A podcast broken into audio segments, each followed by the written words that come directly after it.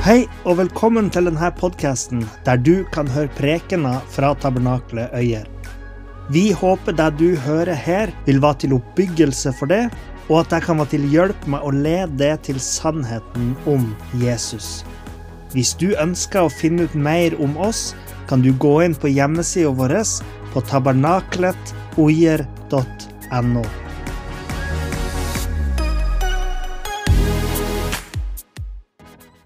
I dag så vil jeg snakke om en nidkjær Gud. Vi tror på en nidkjær Gud. Er det noen av dere som noen gang har vært sjalu eller misunnelig noen gang?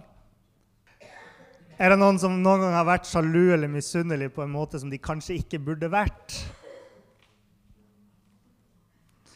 I hvert fall jeg.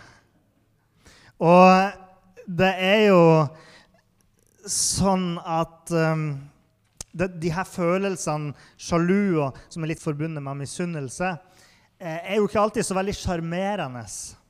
Man kan jo fort bli lei av å være sammen med en sjalu person for eksempel, som hele tida driver og klager over liksom, hva de ville ha hatt, hva de skulle ha hatt. De går og sørger over hva andre har, og hva de ikke har. liksom. Og kanskje ligger det noe i det at et av de ti bud er jo du skal ikke begjære din nestes hus, osv. Du skal ikke gå og ha en sånn gnagende misunnelse overfor hva andre har hele tida. Og eh, ofte så er jo ikke det her heller ønskelige følelser. Det er ikke alltid godt å føle seg sjalu. Eh, og noen ganger så fører det til at man kan ta litt eh, forhasta og litt ubetenksomme valg òg noen ganger når man er veldig misunnelig og veldig sjalu. Og man kan høre noen overskrifter fra internettet hvis noen har vært der. Eh, så bare søkte jeg på, bare søkte jeg på det her med, med sjalu. da. Og så fikk jeg opp de her nyhetsoverskriftene. Sjalu mann avbestilte ekskjærestens Spania-tur. Men det er òg verre ting. Voldsiktet mann erkjente at han er sykelig sjalu, sa at det klikket helt for ham. En annen overskrift er 'Har kjæreste og sliter med sjalusi'. En annen er 'Misunnelse kan ødelegge arbeidsplassen'. Og til slutt 'Sjalu mann gikk berserk'. To drept. Så det kan være ganske ille konsekvenser av sjalusien når den får gå berserk. Og nå tenker dere sikkert at dere skulle gjerne klikka dere inn på de her sakene og lest hva det egentlig handler om. Men beklager det. Nå må dere høre litt mer på meg. Ja, ja, dere kan jo gå, på telefonene deres hvis dere vil, men jeg håper dere vil høre på meg litt til. Og Poenget er at sjalusi og misunnelse er noe som er aktuelt for oss mennesker å forholde oss til. Eh, og spesielt fordi at det kan påvirke oss på særdeles negative måter. Men samtidig så er sjalusi og misunnelse holdninger som minner oss veldig om Guds kvaliteter, nemlig nidkjærheten. Og når jeg beskriver for dere litt hvordan sjalusi f.eks. Eh, er til stede i kulturen vår og i livene våre, så gjør jeg det for å påpeke at vi noen gang kan ha et litt forvrengt bilde av liksom hva sjalusi burde være. For sjalusi, eller nidkjærhet, burde ikke være noe som vi nødvendigvis ser på noe, på noe som, som er negativt. Det står nemlig i 2. Mosebok 34, vers 14. Du skal ikke tilbe noen annen Gud, for Herrens navn er nidkjær. Han er en nidkjær Gud. Jealous. Ja, På engelsk så bruker de ordet 'jealous' i stedet for 'nidkjær'. Jeg syns 'nidkjær' er et fint ord som vi har på norsk, men på engelsk bruker de da ordet 'jealous', eh, som på norsk er sjalu. Uh, og det er jo det som, uh, Når jeg forklarer sant, hvordan vi forholder oss til sjalusi i kulturen vår i dag, så kan mange får en sånn heter ryggradsrefleks som gjør at de rynker litt på nesen når vi hører at Gud er jealous eller Gud er nidskjæla. For det tilsier jo at Gud er på en, på en måte sjalu, da, og vi ser på det som en helt sånn negativ ting Kan Gud virkelig være sjalu? Det høres ikke så bra ut. Men sannheten er at Gud er nidskjær, og det er en fantastisk ting. Og det er det jeg har lyst til å dele med dere i dag. Denne sida ved Gud, hans nidskjærhet. Det hele begynte for noen dager siden da jeg satt og leste i profeten Nahum. Og denne boka handler om eh, byen Ninive og Nahum som reiser til Ninive for å fortelle dem om ødeleggelsen som vil komme over dem. Det står i begynnelsen av boka, i kapittel 1, vers 2, Herren er en nidkjær Gud som tar hevn. Og man møter det her med liksom våre moderne briller og tenker at det høres ganske um, strengt ut. En nidkjær Gud som tar hevn. Er det her den samme Gud som vi leser om i Det nye testamentet? Ja, det er det. Og jeg har lyst til å forklare hvorfor. Fordi eh, jeg kjente på meg når jeg leste det, at det her eh, Det var noe med det her verset, så enkelt som det er, som, som jeg skulle dele med dere her i dag. Og vi kan begynne med å definere de her ordene nidskjær og hevn.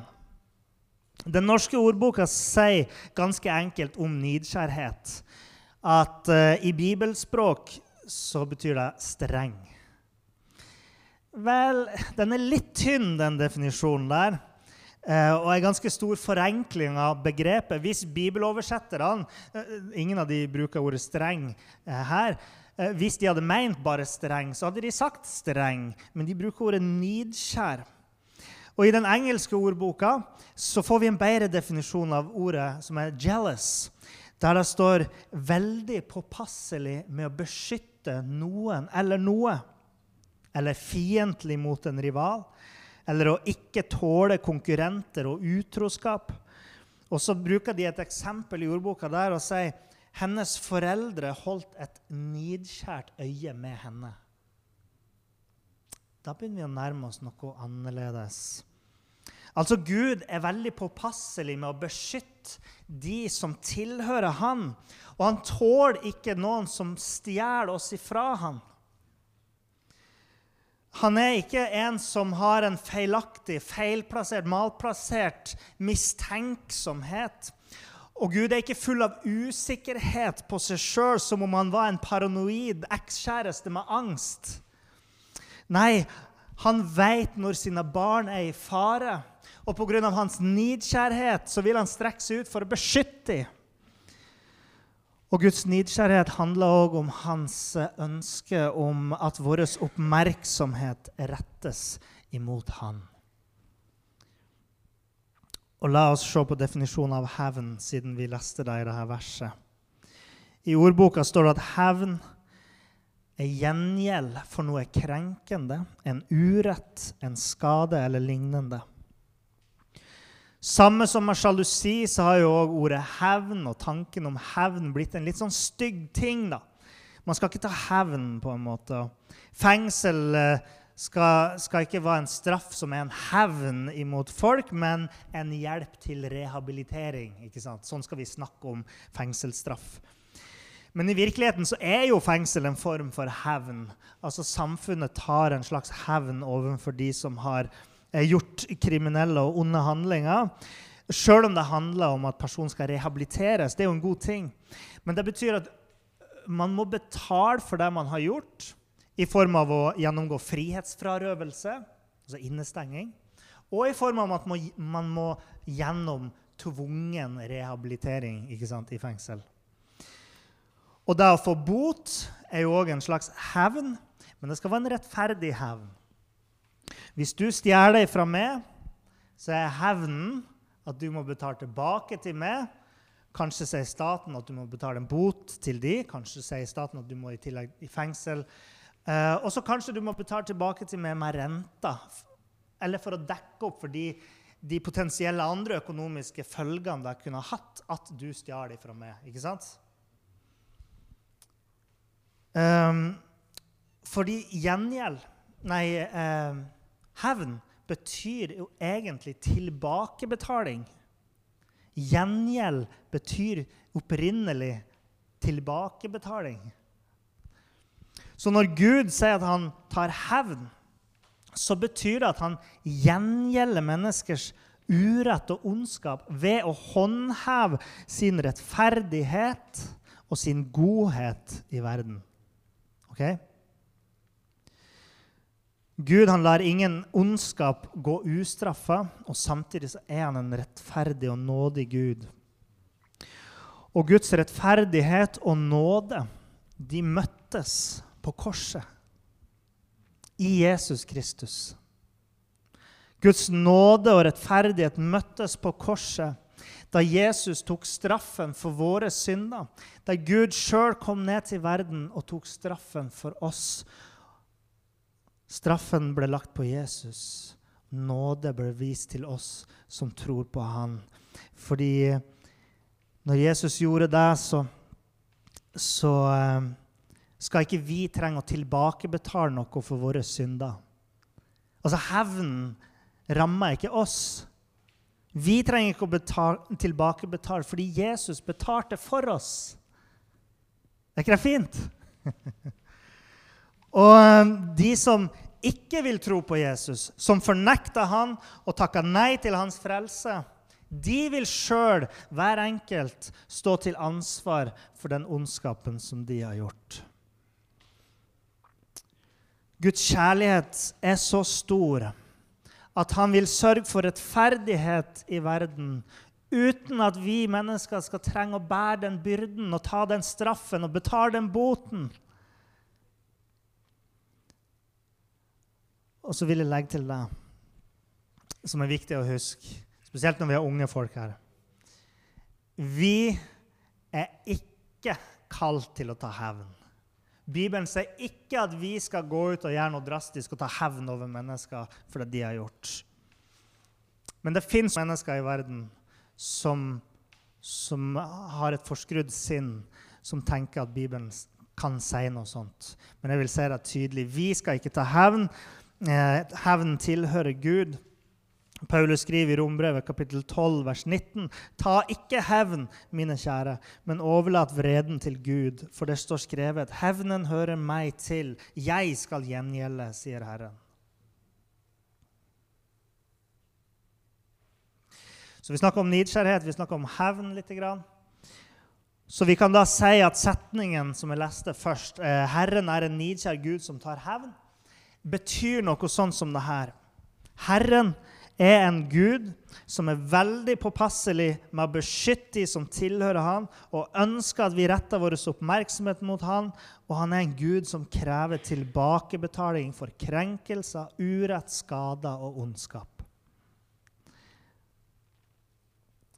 Når vi leser det på den måten, når vi får litt mer kjøtt på beina, får et større bibelsk perspektiv på de her begrepene, så skjønner vi bedre hva, hva her handler om, og hva Guds karakter egentlig er. For da, hvis vi sier om noen at de er sjalu og hevngjerrig, så høres det ikke akkurat ut som gode kvaliteter ut ifra sånn som vi forstår det i vår tid og vår kultur. Da høres det ut som en ganske smålig person. Nei, han der han Ole på Haugen han er, så, han er så sjalu og så hevngjerrig. Ikke sant? Men det er ikke tilfellet med Gud. Gud er full av kjærlighet og rettferdighet, og derfor er han òg en nidkjær Gud. Og nidkjærhet det er ikke en negativ egenskap når den ikke preges av egoistisk begjær og jakt etter egen vinning. sant? Og sjøl om vi sier at nidkjærhet er sjalusi, eller en form for sjalusi, så er sjalusi heller ikke en negativ ting i seg sjøl, så lenge man har grunn til å være sjalu. Hvis jeg f.eks. begjærer en, ei anna dame enn hun jeg er gift med. eh, så kanskje hun blir sjalu ikke sant? på meg, at jeg retter mitt begjær mot noen andre. Eh, og da tenker jeg at det er en god form for sjalusi. Hvis jeg går etter andre damer, ikke sant? og Kjersti blir sjalu pga. det, så tenker jeg det er en god form for sjalusi.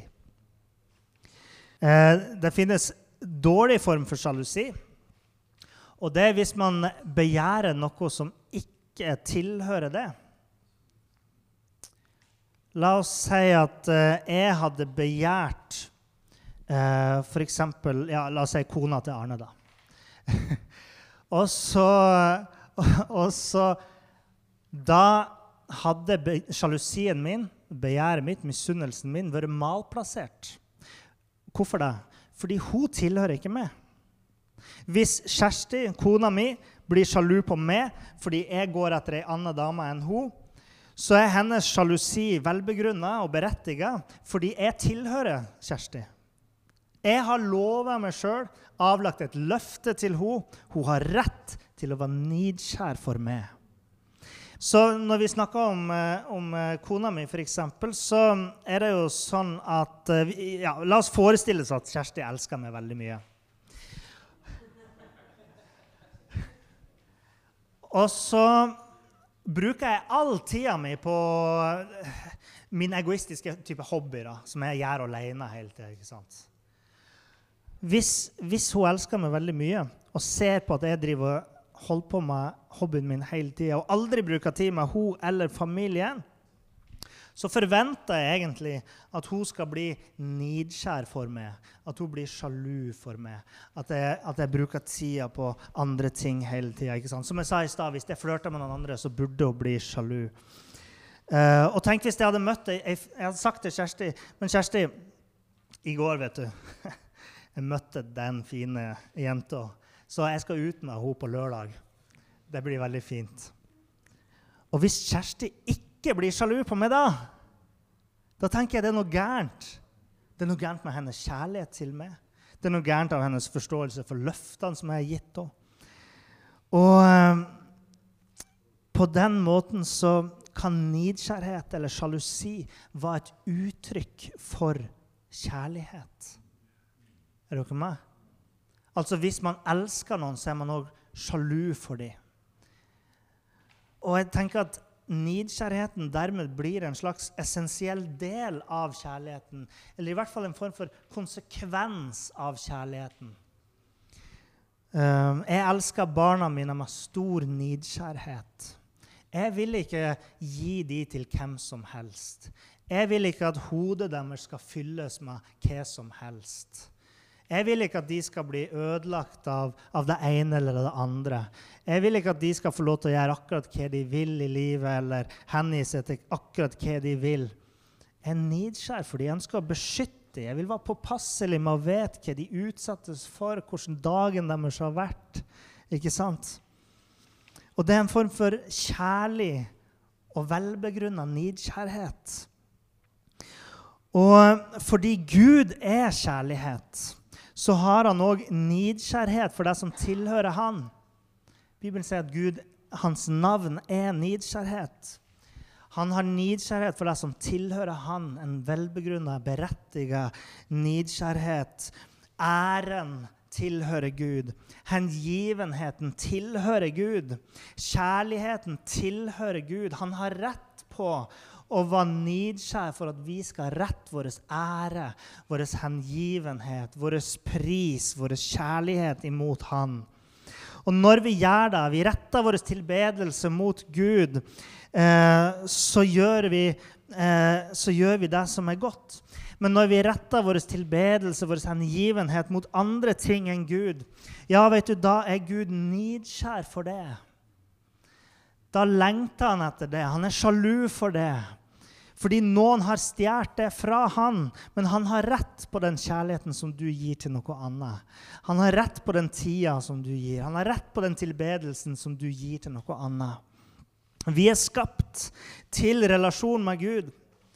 Gud er det beste for oss, og han vet at han er den beste for oss. At han er den som kan gi oss det vi trenger, og han er den som kan stille vår tørst ved å gi oss levende vann som varer livet ut. Han vet det. Han er nidkjær etter å gi oss mennesker det vi trenger for å ha det godt. Gud elsker oss vet dere, han elsker oss så høyt at han vil ikke dele oss med noen andre. Fordi han vet at hvis han deler oss med noen andre, så blir det vår undergang. Vår fortapelse er å gå til noen andre. Takk Gud for at han er nidkjær for oss, at han ser oss, at han bryr seg om, at han vil beskytte oss, at han sendte sin sønn for å dø for oss, slik at vi skulle få lov til å komme til han. Han vil ikke at vi skal kaste bort livene våre med avguder, utroskap med andre guder. Men han vil at vi skal komme til han som er kilden til liv. Det finnes altså god nidkjærhet og dårlig nidkjærhet. Og Gud elsker oss med en god og rettferdig og berettiget nidkjærhet.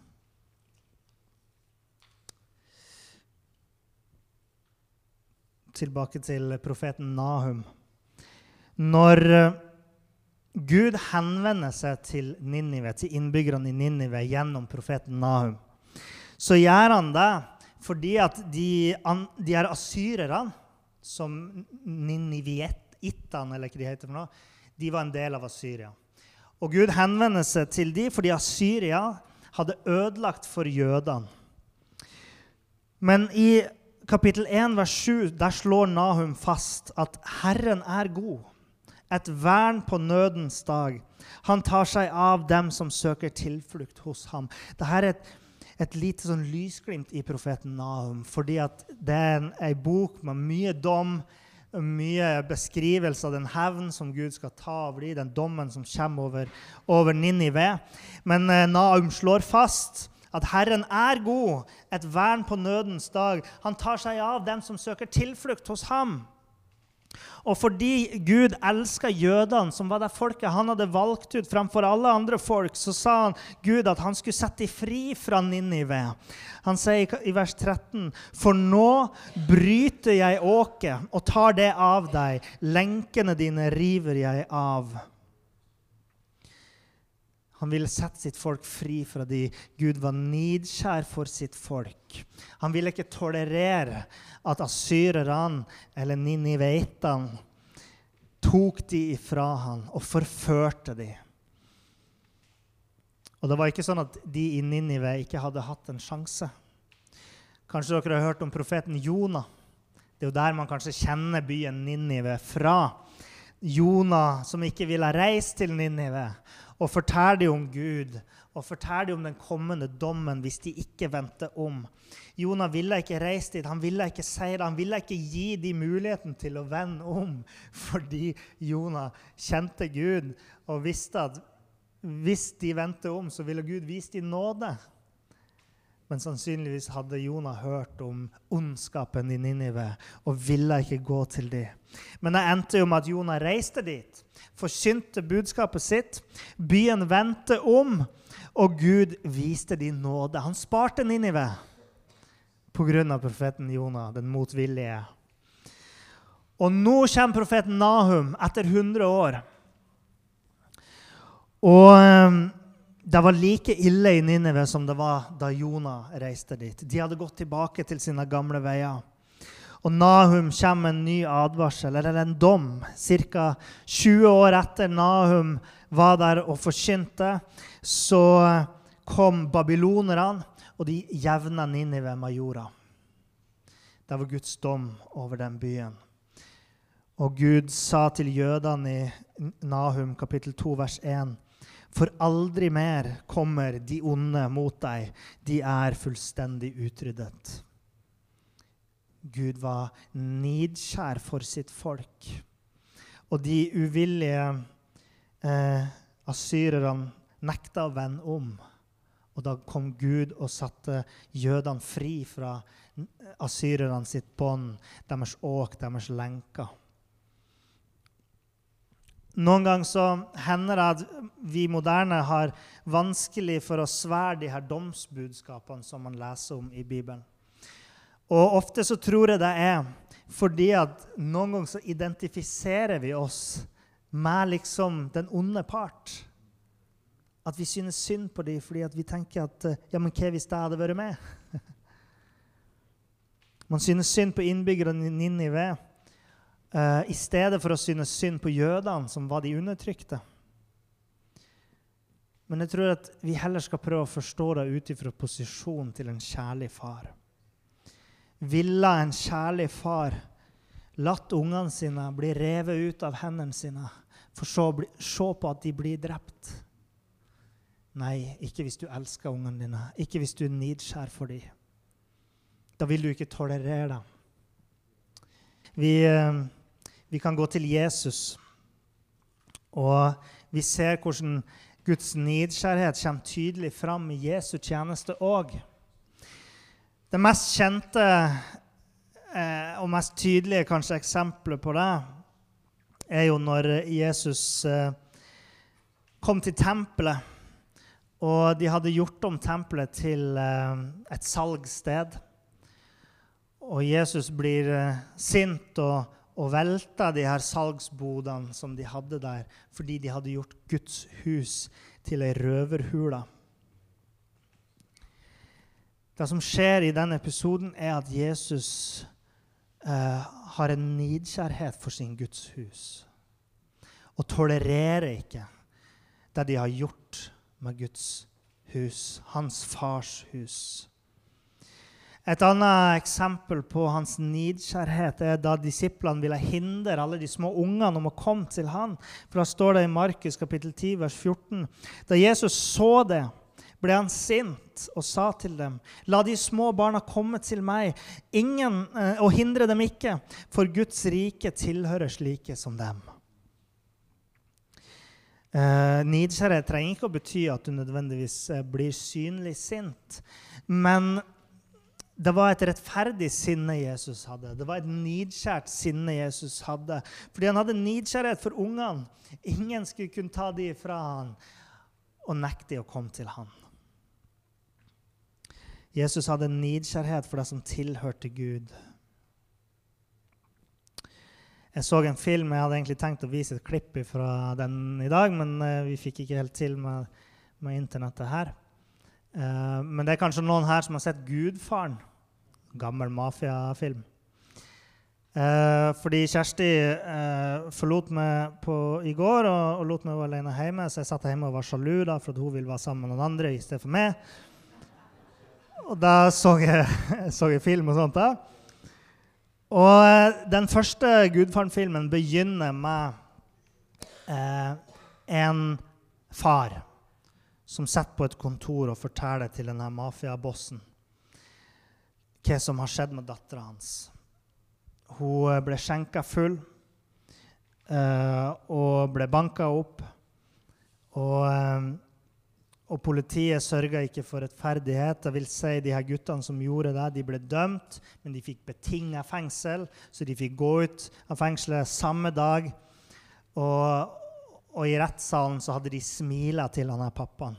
Mens dattera da måtte sy sammen kjeven med ståltråd og fikk brukket nesen sin. Det er fiktivt, altså.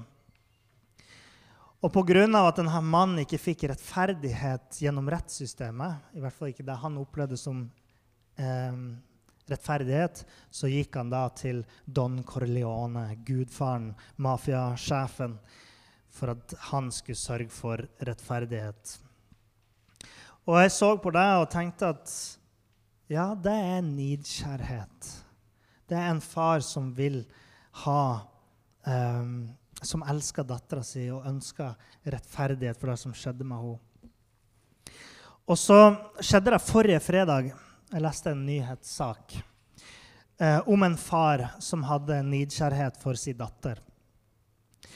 En mann som heter Matthew Phillips, han var på vei til barnehagen for å levere dattera si der. Men på veien dit så ble de plutselig overfalt og stoppa av en mann i 20-åra som var bevæpna med gevær og ville ha pengene og bilen deres. Og han sto da og sikta mot dattera til pappaen som, som satt i baksetet. Og når mannen kom til pappaen for å ta imot pengene, så fikk han pappaen til å ta rifla og ta ifra han geværet. Og han satte bilen i gir for å kjøre, men før han rakk å komme seg vekk, så hadde han mannen allerede vært i sin bil og henta ny, et nytt våpen, en pistol. Og pappaen da heiv bilen i revers for å rygge unna. Men før han kom seg unna, så fikk denne overfallsmannen avfyrt tre skudd mot pappaen. Og en av de traff han rett i munnen. Og eh, til tross for det så ga han ikke opp i å beskytte dattera si. Sjøl etter han var truffet i munnen, så fortsatte han å slåss mot overfallsmannen. Og pappaen sa Kulen, unnskyld, kulen traff meg i ansiktet. Og jeg visste at jeg hadde blitt truffet, men det var ingen Jeg må gjøre noe nå. Alt jeg kunne tenke på, var datteren min. Og han klarte å få lagt denne overfallsmannen i bakken. Jeg vet ikke hvilken styrke han hadde, hvor han henta det fra, hvilken trening han hadde på forhånd. Men han klarte å overmanne denne overfallsmannen.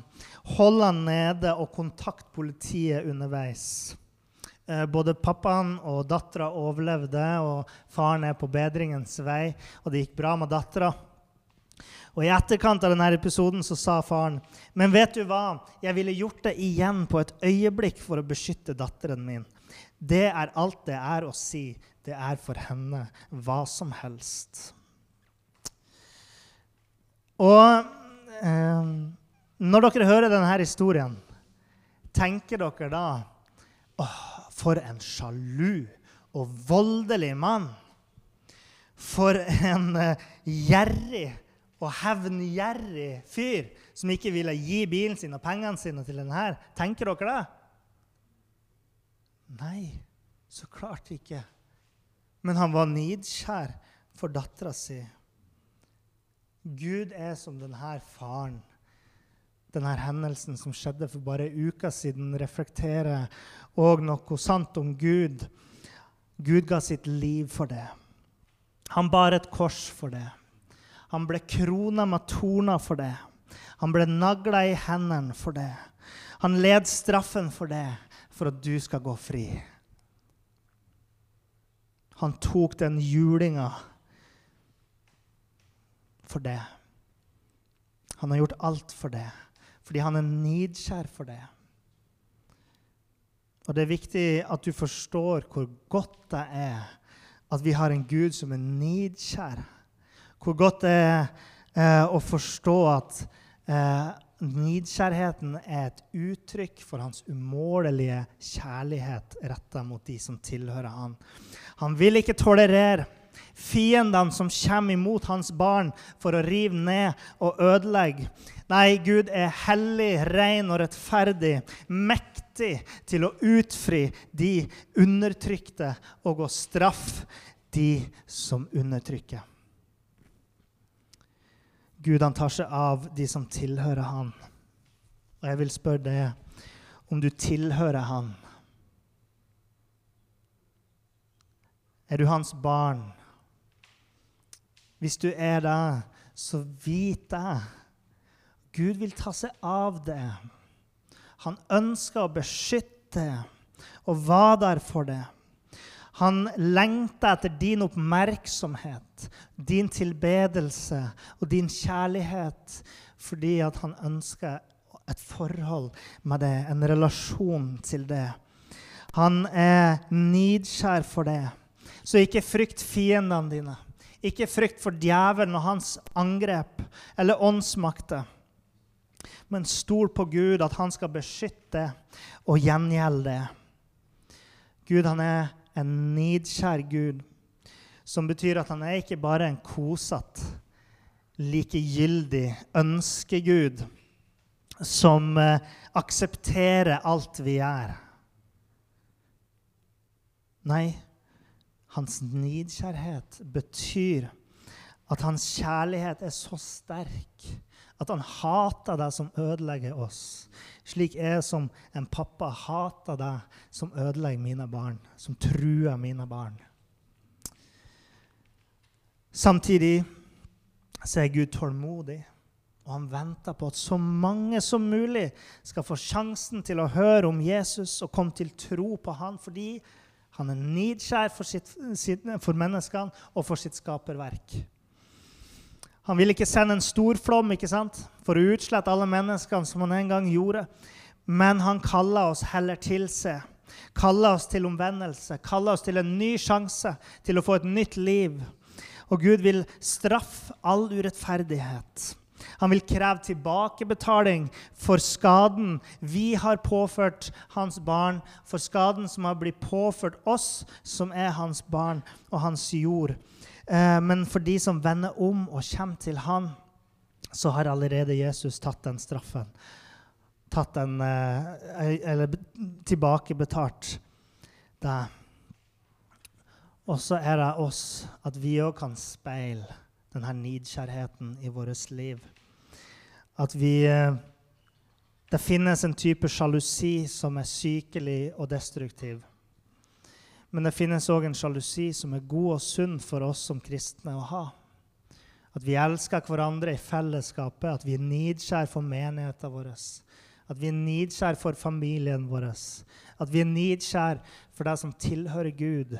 Vi er nidskjær for æren vi mennesker gir. Vi ønsker òg at æren skal gis til Han. At den ikke skal gis til avguder og onde ting. Vi òg skal stå opp for urett. Vi òg skal stå opp for det som er sant. Og vi òg skal stå opp og elske det som er godt, og hate det som er ondt. Vi har en nidkjærhet for det som tilhører Gud.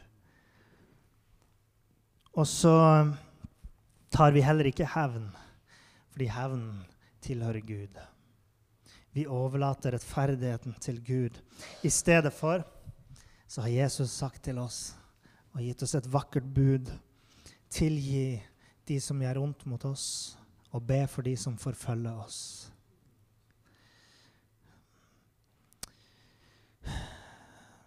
Skal vi be? Herre Far, jeg har bare lyst til å takke deg og prise deg, Herre, for din nidkjærhet for oss.